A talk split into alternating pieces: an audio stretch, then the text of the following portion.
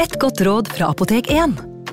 Nå er snart pollensesongen i gang, og et godt råd til deg som sliter med pollenallergi, er å begynne behandlingen i god tid før allergisesongen starter. Da får du nemlig enda bedre effekt av legemidlene, og så blir ikke våren din helt ødelagt. Kom innom og få råd på ditt nærmeste Apotek 1, eller chat med oss på apotek1.no. Apotek 1 vår kunnskap, din trygghet.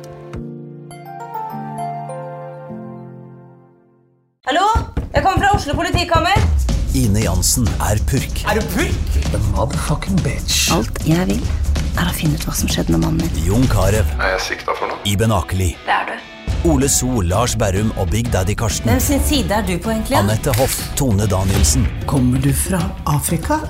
Jørnis Josef, Nesten kløfta. Trond Espen Seim, Det er synd å si det, men det var feil mann som døde. Purk. Premiere tirsdag på TV2 Play. Velkommen til Historiepodden, men ikke vanlig Historiepodden. Velkommen til Historiepodden andre verdenskrig. Hei, Morten. Hei! Hva er dette for noe? Vår splitter nye podkast. Ja, Splitter ny på en måte, men eh, det, det blir jo velkjente toner og takter for, eh, for de som kjenner oss fra før. Ja, det, det blir ganske likt. Bortsett fra i denne podkasten så kommer du til å høre om ja, stort sett kun ting fra perioden eh, som involverer andre verdenskrig. Og kanskje noe før og noe etter, er ikke det rimelig å anta? Jo, altså Enten noe som skjedde under andre verdenskrig, eller eh, noe som førte til andre verdenskrig, eller som ble etterdønninger av andre verdenskrig. Ja. Men alltid knytta til den. da. Ja, og med det så eh, må du egentlig gjøre mye av det samme som du gjorde første gang du hørte teaseren til Historiepodden på nytt, og det er jo å abonnere på Historiepodden VV2 eller andre verdenskrig på iTunes. Eller Spotify, eller hvor du nå hører podkast. Og med det, velkommen skal dere være. Ha det bra. Velkommen. Ha Og hva er det det. vi pleier å si, Morten? Uh, Vi har lagd historiepod før. Vi lager Historiepodden igjen! Advarsel. I denne podkasten vil du høre historier basert på informasjon programlederne har funnet selv. Programlederne står ikke nødvendigvis inne for meninger og syn som fremstilles. Noen påstander kan avvike fra virkeligheten.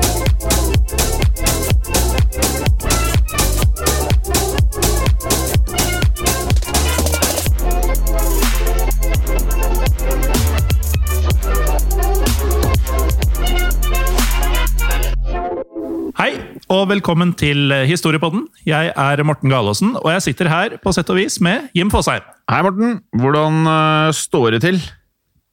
Jo, altså, det er jo fortsatt sånn at når jeg sier jeg sitter her med deg, så sitter vi og ser hverandre gjennom en skjerm, og det begynner jo å bli vi begynner å bli vant til det, for så vidt. Men jeg begynner også å savne et ordentlig studio, lukten av Jim Fosheim og Deilig. sånn. Ja, Det jeg ikke blir vant til, er hvordan det virker som at stuen din hele tiden forandrer seg. For nå ser det ut som du har fått et maleri med masse skog.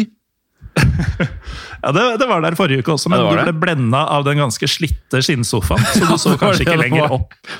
Den sofaen ser ikke mindre slutt ut uh, denne uken her. Det vi uh, selvfølgelig nå må nevne i starten av hver eneste episode av Historiepodden, er jo vår, vårt nye vidunderverk, uh, som er Historiepodden andre verdenskrig, som har kommet ut nå nylig. Ja, og Om ikke vidunderverk var et ord fra før, Jim, så er det det nå etter at du lanserte det. På samme måte som vi nå lanserer den nye podkasten Historiepodden andre verdenskrig.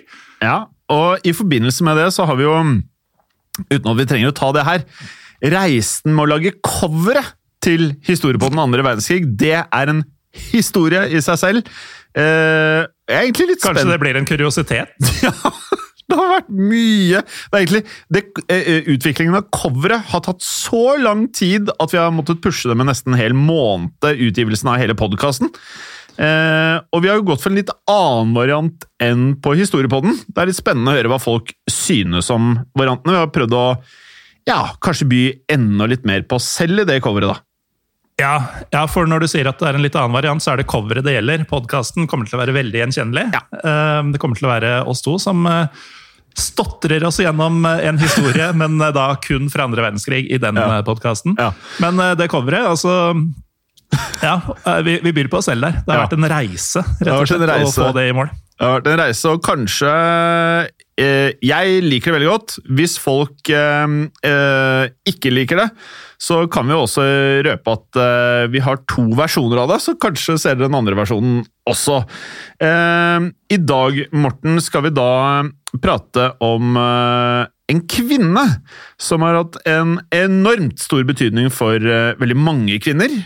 eventyrere og flyentusiaster opp igjennom historien. Ja, og denne kvinnen er da, som mange kanskje har gjetta seg til, blant annet ved å se tittelen på ukas episode, Amelia Earhart. Ja, Navnet er nok eh, for mange av lytterne våre ganske kjent, eh, håper jeg i hvert fall. For Amelia er nok den mest kjente kvinnelige piloten gjennom historien. Og hun satte også flere rekorder innen flyging på sin tid. Ja, hun gjorde det, og i tillegg så jobbet hun hele livet for likestilling mellom kvinner og menn, og beviste gang på gang at man kunne komme så langt eh, man ville, så lenge man trodde på seg selv. Ja, hun levde, ja, hun levde jo et liv i fart og spenning, helt frem til siste slutt. Det gjorde hun, men eh, vi kan jo ta holdt på å si, starten i stedet for slutten først. og det er jo at eh, Amelia Earhart hun ble født 27.6.1897 i Atchison, Kansas, til foreldrene Edvin og Amy Earhart. Ja, Hun tilbrakte også mye av barndommen i huset til besteforeldrene, som nærmest fungerte som eh, bonusforeldre til Amelia og søsteren Grace. Ja, og Disse to søstrene Amelia og Grace, de lekte tett sammen gjennom hele barndommen og ga hverandre kallenavnet Mealy, eh, som da var Amelia, og Pidge for Grace. og jeg var jo litt nervøs for åssen jeg skulle klare å si pidge og fortsette å snakke normalt, men jeg, jeg klarte det. Ja, du er flink. Uh, moren Amy hadde et ganske avslappa forhold til disse jentenes oppvekst, og forventa ikke at de skulle oppføre seg som verken snille eller søte piker, sånn som foreldre vanligvis gjorde på denne tiden. Nei, for Amy Earhart ville at jentene skulle oppleve verden og lage sine egne eventyr. Hun ville ikke sette griller i hodet på noen av jentene, og mente at de sosiale forventningene til kvinner var utrolig gammeldagse. På denne måten forut sin tid, kan man si. Mm. Hun mente også at jenter kunne gjøre mer enn å sitte pent og gjøre det fint i huset. Altså, hvis vi tenker, Hun ble født i 1897, så la oss si at dette er sånn 1901-1902 ca. Ja. Det er uh, tidlig på med, med feministiske tanker. Så ja, dette var vel før First Amendment uh, rights også, så det å si ting høyt var ikke nødvendigvis gitt at du mm. fikk lov til i USA. Nei, så Amy høres kul ut, hun. Um, og Det betydde jo da at eh, Amelia og Grace fikk eh, ganske stor frihet til å leke sånn som de ville. Og de brukte timevis på å leke i naturen, blant annet, hvor de eh, klatra i høye trær og lette etter mark og jakta på rotter. altså Skikkelig sånn Bart Simpson-oppvekst. ja, det er kanskje ikke bare utradisjonelt for kvinner å jakte rotter med rifler, men ja, det... bare utradisjonelt i seg selv. Ja, det virker som en uh, litt spesiell familie, dette her. Ja. Uh, Amelia i hvert fall var um, beskrevet som både kreativ og fantasifull som uh, barn. Og som syvåring fikk hun hjelp av onkelen sin til å bygge en noe så utradisjonelt, dette også, som en berg-og-dal-bane. Syv år gamle Amelia Earhart bygde altså en berg-og-dal-bane. Ja. Og den var bygget opp av en uh, rampe som var koblet til husets uh, verktøybod. Og Amelia satt oppi en boks som da skal ha fungert som en type slede eller vogn. Ja, og Amelias tur på denne berg-og-dal-banen den ble vel dokumentert. Og hun slo leppa og revna kjolen sin i forsøket. Eh, men det satte jo ikke noen stopper for, eh, eller noen demper på stemninga. Hun ble svært oppspilt og ropte til søsteren at dette her var akkurat som å fly. Ja. Jentenes eh, røffe leker var uvanlige for jenter på den tiden, selvfølgelig. Men Amy var ikke beskrevet som en bekymret mor. Hun fortalte nemlig at døtrene hadde all, all slags muligheter til å nå opp og frem i verden, og oppfordret dem til å gjøre akkurat det de drømte om å gjøre. Og Amelia hun ble veldig inspirert av andre suksessfulle kvinner, og samla avisutklipp av kvinner som gjorde det bra i eh, mannsdominerte yrker, som f.eks. Eh, filmproduksjon, reklame og juss. Og dette gjorde hun i en såkalt eh, scrapbook, altså et slags eh, samlealbum. Høres igjen bedre ut på engelsk enn på norsk. Mm. I 1907 ble den lille familien brutt opp da Amelias far, Edwin, fikk jobb i Des Moines i Iowa. Amy flyttet sammen med ektemannen, og døtrene ble da igjen sammen med besteforeldrene i Atchison. Søstrene hadde da hjemmeskole, og Amelia tilbrakte mye tid i besteforeldrenes bibliotek, og ble på denne tiden svært glad i å lese. Ja, Amelia og Grace besøkte foreldrene i Des Moines, og Edwin tok med seg jentene på en lokal messe i 1908, der Amelia Earhart så et fly for aller første gang i sitt liv. Og når man vet det man vet om Amelia Earhart i dag, så skulle man jo tro at eh, dette var et stort øyeblikk for henne, men eh, det var det faktisk ikke. Den da ti år gamle Amelia Earhart var ikke særlig imponert over dette flyet. Hun syntes det var kjedelig å se på, og spurte heller faren om hun kunne gå og kjøre karusell. Ja. I 1909 flyttet også Amelia og Grace, eh, som familien nå kalte Muriel, til Des Moines. Dette var også første gang søstrene skulle gå på offentlig skole, og Amelia begynte i syvende og Muriel i femte. Så uh, Apropos Muriel. Hun uh, heter da Grace, ble en periode kalt Pidge, og nå har foreldra bare begynt å kalle henne Muriel. Uh, litt av en reise for henne også. det er ikke det. Men Familien Earhart de hadde da lenge vært en normal middelklassefamilie, men med årene så hadde økonomien gradvis tatt seg opp. Så familien de kjøpte et stort hus, og de hadde til og med råd til å ha ikke én, men to tjenere. Mm. Til tross for denne oppgraderinga ble det tydelig at familien hadde, om ikke økonomiske, så hadde de andre problemer. Ja, for eh, det vi ikke har nevnt så langt, er at eh, faren, altså Edvin, var alkoholiker og kjempet mot denne sykdommen, og prøvde å rehabilitere seg selv. Noe som ikke viste seg å nytte. Familien fikk ennå et tilbakeslag da Emilias bestemor døde i 1914, som gjorde at huset deres, med alt innholdet, ble auksjonert vekk. Samtidig skulle situasjonen til Edvin bare forverre seg, og alkoholismen ble bare tyngre og tyngre, og han og Amy bestemte seg derfor for å skilles. Så Amy tok med seg døtrene til Chicago, og etter at eh, Amelia ble uteksaminert fra Hyde Park videregående i 1915, begynte hun på en dannelsesskole i Philadelphia. Ja, og en dannelsesskole, Morten, det er vel ikke noe jeg har hørt om i 2021 eller 2020, for den saks skyld? Det er vel få av dem i disse dager? Ja, det er få av dem. En dannelsesskole er et eh, ja, noe ukjent konsept i dag, men det er da en skole for unge kvinner som fokuserer på kulturelle ritualer og etikette. Ja, og denne skolen den forlot Amelia i midten av sitt andre år eh, for å jobbe frivillig som sykepleier på et militærsykehus i Canada. Som eh, sykepleier så møtte Amelia flere skadde piloter som hadde kjempa i første verdenskrig. Ja, og Amelia hun beundret pilotene og skulle ha brukt veldig mye av fritiden sin på å se på The Royal Flying Corps, som da er en forgjenger av Morten Royal Air Force, eller RAF. RAF, eh, som da skulle ha øvd i nærheten av sykehuset. Og denne sykepleierjobben inspirerte da Amelia til å begynne på Columbia University, der hun tok fag innenfor medisin. Hun slutta i 1920, ett år etter å ha begynt, for å være sammen med foreldra sine, som nå hadde blitt eh, gjenforent. Ja, Det samme året deltok Amelia på et eh, flyshow på Long Beach, noe som skulle forandre livet hennes for alltid. For her fikk hun nemlig sitte i et fly i hele ti minutter, og før hun satte føttene på bakken igjen, var hun totalt overbevist om at hun var nødt til å lære å fly selv også. Og da var det ingen vei tilbake for Amelia, som tok eh, flere forskjellige jobber, sånn at hun kunne tjene opp eh, nok penger til å ta flytimer hos Anita Snook, som hun hadde møtt på en flyplass. Og Amelia hadde spurt denne Anita om hun kunne lære henne å fly, og hun hadde svart ja. Så Amelia Earhart tok sin første flytime 3.1.1921, og Anita så fort at her var det stort potensial. Og Anita Snook, eh, Morten, er ikke en eh, hvem som helst. Hun eh, kan nok fort vekk få en egen episode i Historiepodden, for hun er så mye som en kvinnelig flypioner. Ja, og altså en pioner før selve pioneren vi snakker om i dag. Ja, så, men Hun er ikke like kjent som Amelia, men vi kan jo si det sånn at vi er fascinert av Snook også.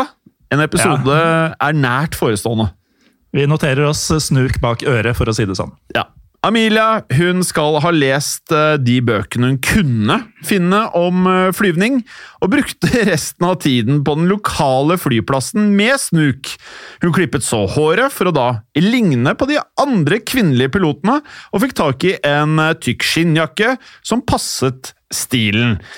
Og her er en liten nugget, Morten. For at de andre pilotene ikke skulle tro at hun var uerfaren, så sov hun med skinnjakken tre dager på rad for å gi den et slags brukt utseende.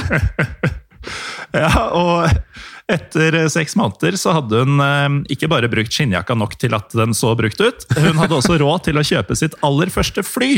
Eh, og dette flyet det var et brukt Kinner Airster biplan som var malt eh, knæsj gult. Deilig. Og derfor så kalte Amelia flyet for eh, The Canary. Ikke helt ulikt uh, en fotballklubb uh, du er fascinert av? Faktisk to av mine favorittklubber kalles Kanarifuglene. Ja. Den ene vet jeg hvilken er. Det er den norske, og så har du en i et annet land. Ja, Det er da Lillestrøm i Norge og Fenerbahçe i Tyrkia. Ja. Som, uh, som naturlig er for sånne som meg. Ja, da lærte jeg noe i dag, jeg også. Den 22. Eh, oktober 1922 fløy Amelia Earhart flyet sitt opp til 14 000 fot, som da var en ny rekord for Eller hva høydeangikk for kvinnelige piloter. Året etter ble hun den 16. kvinnen som fikk utstedt en offisiell pilotlisens av The Federation Aeronautique. Aeronautique. Federation Aeronautique. Oh, ja. Pent. Uh, Og gjennom hele denne tiden med flytrening og øvelse, så hadde familien Earhart levd på bestemorens arv. Og i 1924 så var det ikke lenger penger igjen av denne arven. Uh, Amelia så dermed ingen mulighet til å tjene penger på flyvingen med det første, og så seg da dessverre nødt til å selge sin elskede Canary. Ja, dessverre. Men i 1925 begynte Amelia på Colombia igjen, men hun klarte ikke å betale for studien, dessverre, og var da nødt til å slutte. Hun begynte i stedet å jobbe som lærer, og skulle senere bli en sosialarbeider. Men eh, interessen og entusiasmen for fly den var fortsatt sterk i sosialarbeideren Amelia, og i 1927 så begynte hun igjen å fly. På eh, siden så skrev hun artikler i den lokale avisa om flyvning, og hun begynte å få en liten følgerskare som fulgte med på skrivinga hennes. Ja, og flyvning var populært over hele landet, selvfølgelig, etter da Charles Lindberg sitt stunt hvor han hadde fløyet fra New York til Paris i mai 1927, som forårsaket at interessen for at en kvinne skulle fly over Atlanterhavet, steg til værs. Ja, og Amelia hadde jo fått mye oppmerksomhet for den uh, høyderekorden sin og for engasjementet for luftfart. Uh, en oppmerksomhet som nådde forleggeren George Palmer Putnam, som var på jakt etter en uh, slags kvinnelig versjon av Charles Lindberg. Ja, og needless to say så kommer det jo selvfølgelig en episode av Charles Lindberg i denne podkasten. Det gjør jo det også. Altså, Charles Lindberg var en så åpenbar episode, Morten, at uh, når vi hadde det i det svære, grandiose Excel-arket vårt av uh, kommende episoder Så bare vokser og vokser? Ja, som, det er Jeg vet ikke jeg, jeg, tror vi nærmer oss 800 episoder. uh, så var Charles Lindberg Det var liksom litt for åpenbart til å mm. komme tidlig i historiepodden, så vi har bare forskjøvet det. Og nå har vi kommet til eh, sesong fem uten at det egentlig har kommet med allikevel. Så der ja. uh, fikk vi litt uh, leksen vår at vi har forskjøvet det for lenge, føler jeg. Og så er det jo ikke første episode vi gjør om kjente piloter heller. Vi hadde jo den om nattheksene ja. uh, for en tid tilbake, så dette er jo da minst den andre episoden på stående fot om piloter. Og Charles Lindberg har vi fortsatt ikke gjort noe med. Altså, Vi har bare lagd pilotepisoder om kvinner. Mm. Ja. Uansett, tilbake til historien. En eh, ettermiddag i april 1928 mottok Earhart en telefonsamtale fra cap'n Hilson H. Riley, som spurte om hun ville bli den første kvinnen til å fly over Atlanterhavet. Amelia svarte selvfølgelig ja øyeblikkelig, og ble invitert til New York for å bli intervjuet og også møte George Putnam. Og nå var det et faktum at Amelia Earhart skulle bli den første kvinnen som skulle delta på en transatlantisk flytur som passasjer. Den 17. juni 1928 tok Fokker F7-flyet Friendship av fra Newfoundland i Canada. På flyet satt Amelia Earhart, pilot Wilmer Stoltz og kopilot og mekaniker Louis Gordon. Etter ca. 20 timer og 40 minutter så hadde de nådd destinasjonen sin, som var Wales, eh, som da er en del av dagens Storbritannia. Ja. Denne reisen med Fokker F7-flyet fikk eh, spesielt stor oppmerksomhet i mediene fordi tre piloter hadde dødd i løpet av året, og i forsøket på å bli den første kvinnen som fløy over Atlanterhavet. Til tross for dette så var ikke Amelia særlig stolt av denne prestasjonen sin, og uttalte at øh, hun følte seg rett og slett som bagasje på denne reisen. Hun hadde jo tross alt bare sittet på som passasjer, og hun sa også at hun gjerne ville prøve seg på den samme ruta igjen, men da helt alene. Ja. Friendship-mannskapet reiste så tilbake til USA og ble møtt av en stor parade i New York til deres ære. I tillegg ble det avholdt en mottakelse med selveste president Calvin Coolidge i Det hvite hus. Og til, til, George Putnams store glede så ble Amelia kalt for Lady Lindy. Ja. Eh, et navn som kom fra uh, Lindbergs kallenavn Lucky Lind. Uh, Amelia var populær, og Putnam ville gjerne at hun skulle skrive en bok om opplevelsen sin. Ja. Og dette var jo selvfølgelig en stor rungende ja fra Amelia til bokavtalen, og ble invitert av Putnam og kona Dorothy til å flytte inn mens hun da jobbet med boken. Og i 1928 kom boken hennes som het 20 timer 40 minutter. Den ble lansert med braksuksess.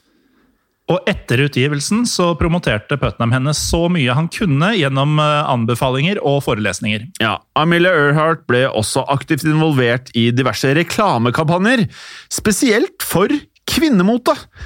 I årevis hadde Amelia sydd sine egne klær, mens nå bidro hun med innspill til en ny kolleksjon av praktiske, men svært feminine kvinneklær. Amelia Earhart ble et eh, ikon i samfunnet, og hun brukte sin nye innflytelse på saker som var viktige for henne. Hun fikk en assisterende redaktørstilling i bladet Cosmopolitan, og brukte statusen sin for å kjempe for kommersielle flyreiser. Amelia Earhart ble en inspirasjonskilde for andre kvinner, som man selvfølgelig skjønner ut fra historien. Hun symboliserte talent og tapperhet. Hun var intelligent og en meget kompetent eh, flyger, men hun var ingen feilfri pilot, Morten. Nei, for eh, ferdighetene hennes eh, holdt tritt med trendene i luftfarta lenge, men da teknologien utvikla seg, så fortsatte hun å fly basert på instinkt. Hun visste godt at hun hadde begrensninger, og jobba kontinuerlig med å forbedre ferdighetene sine. Ja, for Det viktigste for Amelia var ikke å være best, men heller det å være et forbilde og fremstå som både modig og intelligent for andre kvinner. Hun ønsket å bidra til at eh, dørene skulle åpnes for alle kvinner i samfunnet. Ja, Amelia Earhart ville etablere seg selv som en eh, respektert flyger, og kort tid etter at hun kom tilbake fra denne transatlantiske reisen sin, så planla hun eh, nye ekspedisjoner. I de kommende årene så deltok hun i konkurranser. Hun fløy alene over Nord-Amerika og engasjerte seg i en organisasjon som fokuserte på å fremme kvinnelige piloter i luftfarta. Ja, nå har vi kommet til 1931, og da giftet Amelia seg. Hun giftet seg med forleggeren sin, nettopp George Putnam. Hmm. De hadde jo da møttes sporadisk de siste årene, selvfølgelig, og fått et eh, riktig så godt øye til hverandre. Det gikk også rykter om at Amelia og George hadde hatt en affære mens de arbeidet på Amelias bok, noe de begge har nektet for. Ja, Putnams kone Dorothy var da på sin side ikke overraskende misfornøyd i forholdet, og hadde selv en affære med sønnens hjelpelærer. Så Kanskje det beste for alle parter var nemlig det at Putnam-paret de skilte seg i 1929, og kort tid etter så begynte George å uttrykke sine sterke følelser for Amelia Earhart. Ja, Han spurte gjentatte ganger om hun ville gifte seg med han, men hun sa nei hver eneste gang. Men i 1931 ga hun angivelig til slutt opp, og skulle da eh, omsider svare ja. Allikevel Blir ned, rett og slett? Allikevel var Amelia opptatt av at forholdet skulle være moderne, og skrev på bryllupsdagen at hun ikke forventet at ektemannen skulle være trofast, og at han heller ikke skulle forvente at hun ville være det! Og det er jo offensivt! Ja, det er jo moderne. Altså progressivt, ja, det, er, i det minste.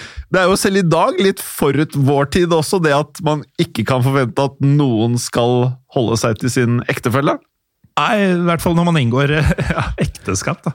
Men i hvert fall eh, Amelia Earhart og sin, hennes nye ektemann de jobba i hemmelighet med å planlegge en tur hun lenge hadde gledet seg til å gjennomføre. For på femårsdagen til Lindbergs flytur over Atlanterhavet så kunngjorde Amelia at hun ville forsøke det samme. Uh, åpenbart en risikabel tur, og i løpet av uh, fire år så hadde 35 piloter dødd i forsøket på å gjøre nettopp dette. Ja, så det er jo lett, jeg må innrømme det selv også, at det, jeg visste at flyene ikke var av uh, samme rang som de er i dag, da, men jeg, jeg hadde ikke noen anelse om at det var så mange som døde i disse forsøkene, og hvor farlig det faktisk var. Nei, altså jeg tror, uh, tror en fakker har ganske lite på en Dreamliner, f.eks. Jeg er litt enig med deg der. Uansett hvor farlig dette var, så skremte ikke dette Amelia overhodet. For den 20. mai 1932 tok hun av fra Newfoundland med en kopi av dagens avis, det var noe man gjorde på denne tiden, rett og mhm. slett for å kunne bekrefte datoen som da var på avisen. Til tross for Amelias tøffe innstilling så tok det ikke lang tid før hun kom i vanskeligheter. Da flyet møtte tykke skyer og vingene ble belagt av is. Det var altså kaldt og dårlig vær oppe i lufta der. Amelia holdt seg rolig og klarte mesteparten av turen uten større utfordringer. Tenk deg det å være pilot for et litt sånn eh, eldre fly, og så ser du mm. at eh, vingene blir belagt av is! Frosne vinger, liksom, og du er aleine oppi der. Ja. De siste timene av turen ble forholdene bare verre, og flyet fikk omsider tekniske problemer. Amelia visste at hun ikke ville klare seg helt frem til Paris, slik som Lindberg hadde klart, og bestemte seg heller for å lete etter et nytt sted å lande flyet. Hun fant heller et beite utenfor den lille landsbyen Colmore i Nord-Irland, hvor hun da faktisk klarte å lande flyet trygt. Og Derfra tok hun seg til London, hvor eh, Amelia Earhart fikk en varm velkomst, og folket så på henne som en eh, internasjonal helt, intet mindre. Amelia, som var eh, sterkt opptatt av likestilling, uttalte at turen over Atlanterhavet var et bevis på at menn og kvinner var likeverdige i jobber som krevde intelligens, viljestyrke og koordinering. Ja. Og etter denne hjemkomsten da fortsatte Amelia på flere turer, og hun dro alene fra Hawaii til California, som eh, gjorde henne til den første personen som hadde fløyet over Atlanterhavet og Stillehavet. Mellom 1930 og 1935 så satte hun syv rekorder for fart og distanse for kvinner i luftfart, og begynte etter hvert å trappe ned på flyvningen. I 1935 eh, så begynte hun som teknisk rådgiver på Luftfartsinstituttet på Purdue University. Amelia likte denne jobben godt, men begynte å vurdere om hun skulle gjennomføre én siste flytur der hun ville reise jorda rundt. Ja, Amelia fikk nå et langt mer moderne fly enn hun hadde fløyet eh, tidligere. Et eh, Lockheed Electra-fly, som hun da fikk av universitetet i 1936. Og dermed så var drømmen om en reise rundt jorden plutselig en virkelighet for Amelia. Hun startet planleggingen av den lengste og mest utfordrende turen i sin karriere så langt. Amelias planlagte tur rundt jorda var ikke den første, men den ville bli den lengste. Wiley Post hadde nemlig eh, blitt den første til å fly jorda rundt alene i 1931, men han fulgte en rute som gikk langs den 60. breddegrad, eh, som da er ganske høyt opp, eh, hvis du ser på et kart, som gjør at omkretsen blir mindre. Amelia derimot skulle følge en rute som var nærmest mulig ekvator, på rundt 46 000 km. Ja, og til å gjøre dette så satt Amelia sammen et eh, mannskap. Eh, mannskapet det besto av eh, følgende Harry Manning, Fred Noonan og Paul Mance. Manning og Noonan de skulle være navigatører, og Mance ville være Earharts tekniske rådgiver. Planen var å reise fra Oakland, California og fly vestover mot Hawaii. Herfra skulle de fly over Stillehavet til Australia, og deretter ville de fly over India, Afrika, Florida og så tilbake til California. 17. mars 1937 tok Lockheed Electra av fra den første etappen i Oakland. Og Mannskapet de oppdaget fort at det var problemer med flyet, og de landa på Hawaii for reparasjoner. Etter tre dager så var flyet igjen klart for takeoff, men igjen skulle noe gå galt. Ja. Earhart mistet eh, all kontroll over flyet, eh, som da gjorde at skroget slo hardt ned i rullebanen. Ingen ble alvorlig skadde, men flyet tok enorme skader, og det var dermed nødt til å sendes tilbake til California for reparasjoner. I mellomtiden så jobbet Earhart og ektemannen Putnam hardt med finansiering av en ny flytur. Stresset av eh, forsinkelsen og de slitsomme innsamlingsaksjonene hadde gjort eh, Amelia utmattet. Da flyet endelig ble reparert, så krevde vindforandringer at flyplanen måtte endres. Så Amelia Earhart og mannskapet måtte derfor fly østover. Men eh, det var ikke hele mannskapet forberedt på. Nei, for Manning han kunne ikke lenger delta på flyvningen, og Mance var heller ikke til stede pga. en tvist med kontrakten hans, visstnok. Som da betød at Earhart og Noonan måtte fly alene. Ja, som er da eh, kort fortalt halve crewet av det som mm. faktisk var eh, meningen at det skulle være.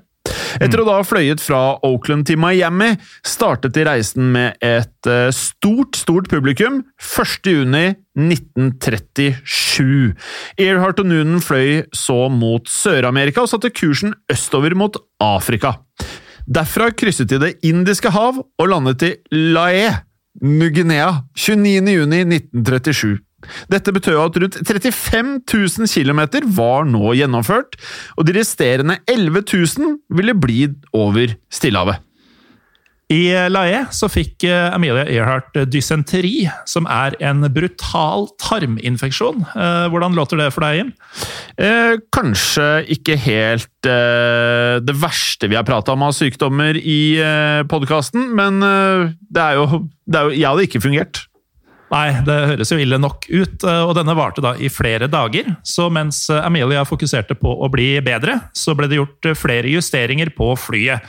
Eh, ekstra drivstoff ble lagra om bord, og fallskjermene ble pakket vekk. Fordi det ville jo ikke være behov for fallskjermer mens de fløy over havet. Selvfølgelig ikke.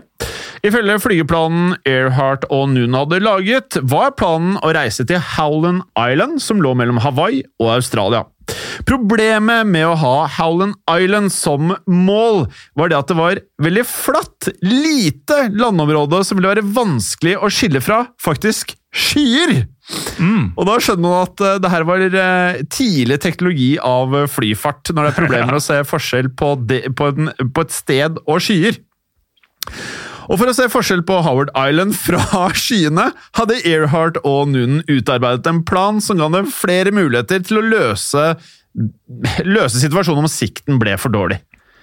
De eh, ville kunne bruke himmelsk navigasjon for å spore ruten deres eh, og holde dem på kurs. Og i tilfelle himmelen var overskyet, så hadde de radiokommunikasjon med det amerikanske kystvaktskipet Itasca, som var stasjonert utenfor Howland Island. Og Når vi prater om himmelsk navigasjon, da tenker jeg på vikinger Altså, jeg tenker på uh, måter å navigere på som er ganske gammeldags.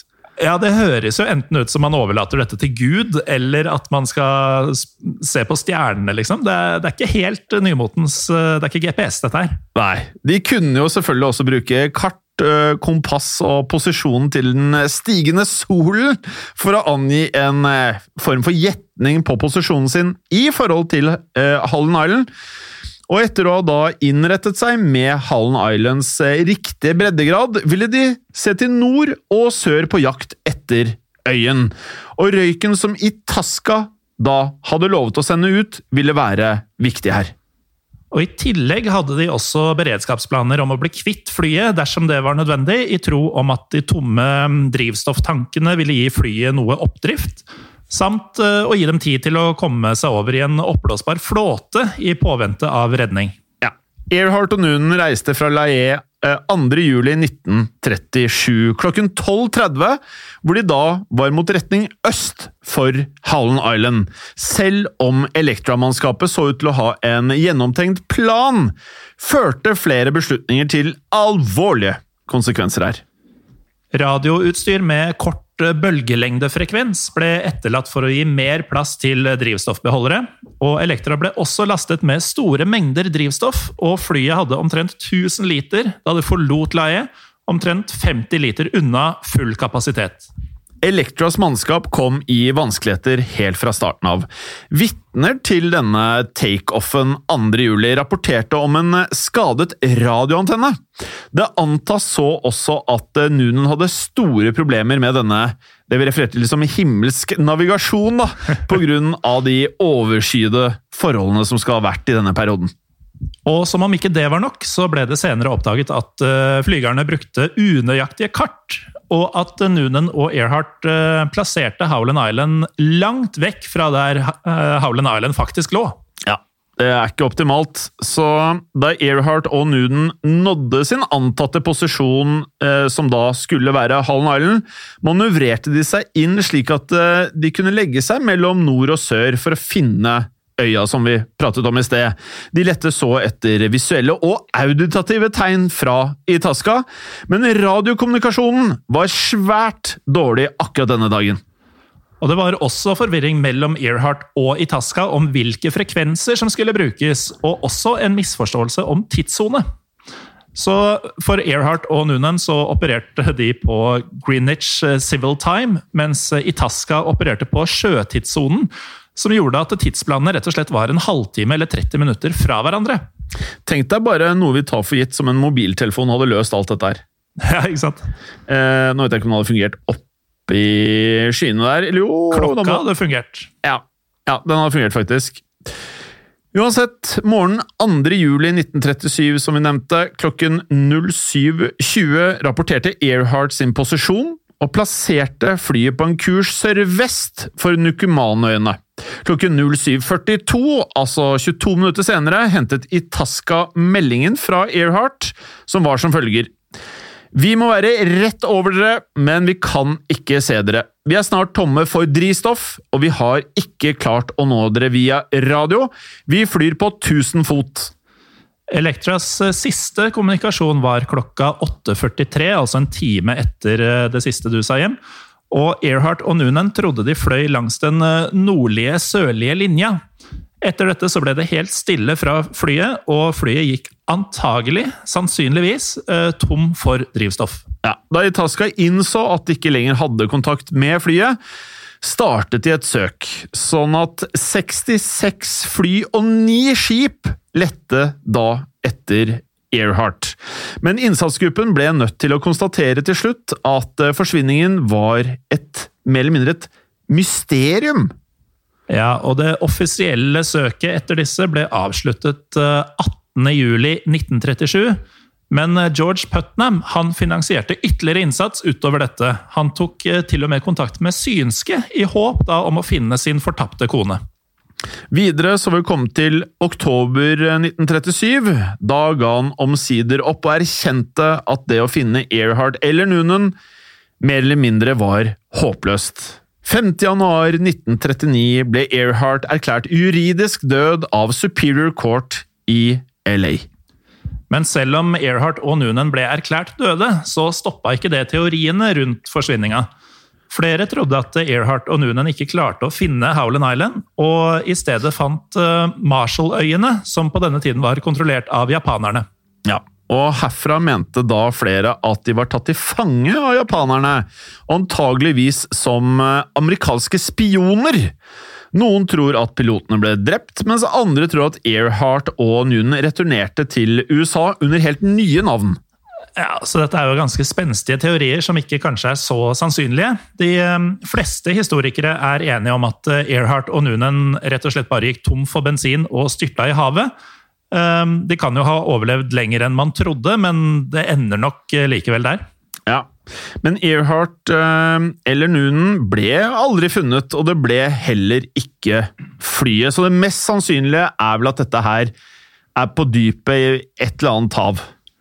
Så, sånn slutter da historien om Amelia Earhart. Man er ikke 100% sikker, men mest sannsynlig så gikk jo både hun og Noonan og flyet ned i Stillehavet et eller annet sted, og har vært der siden.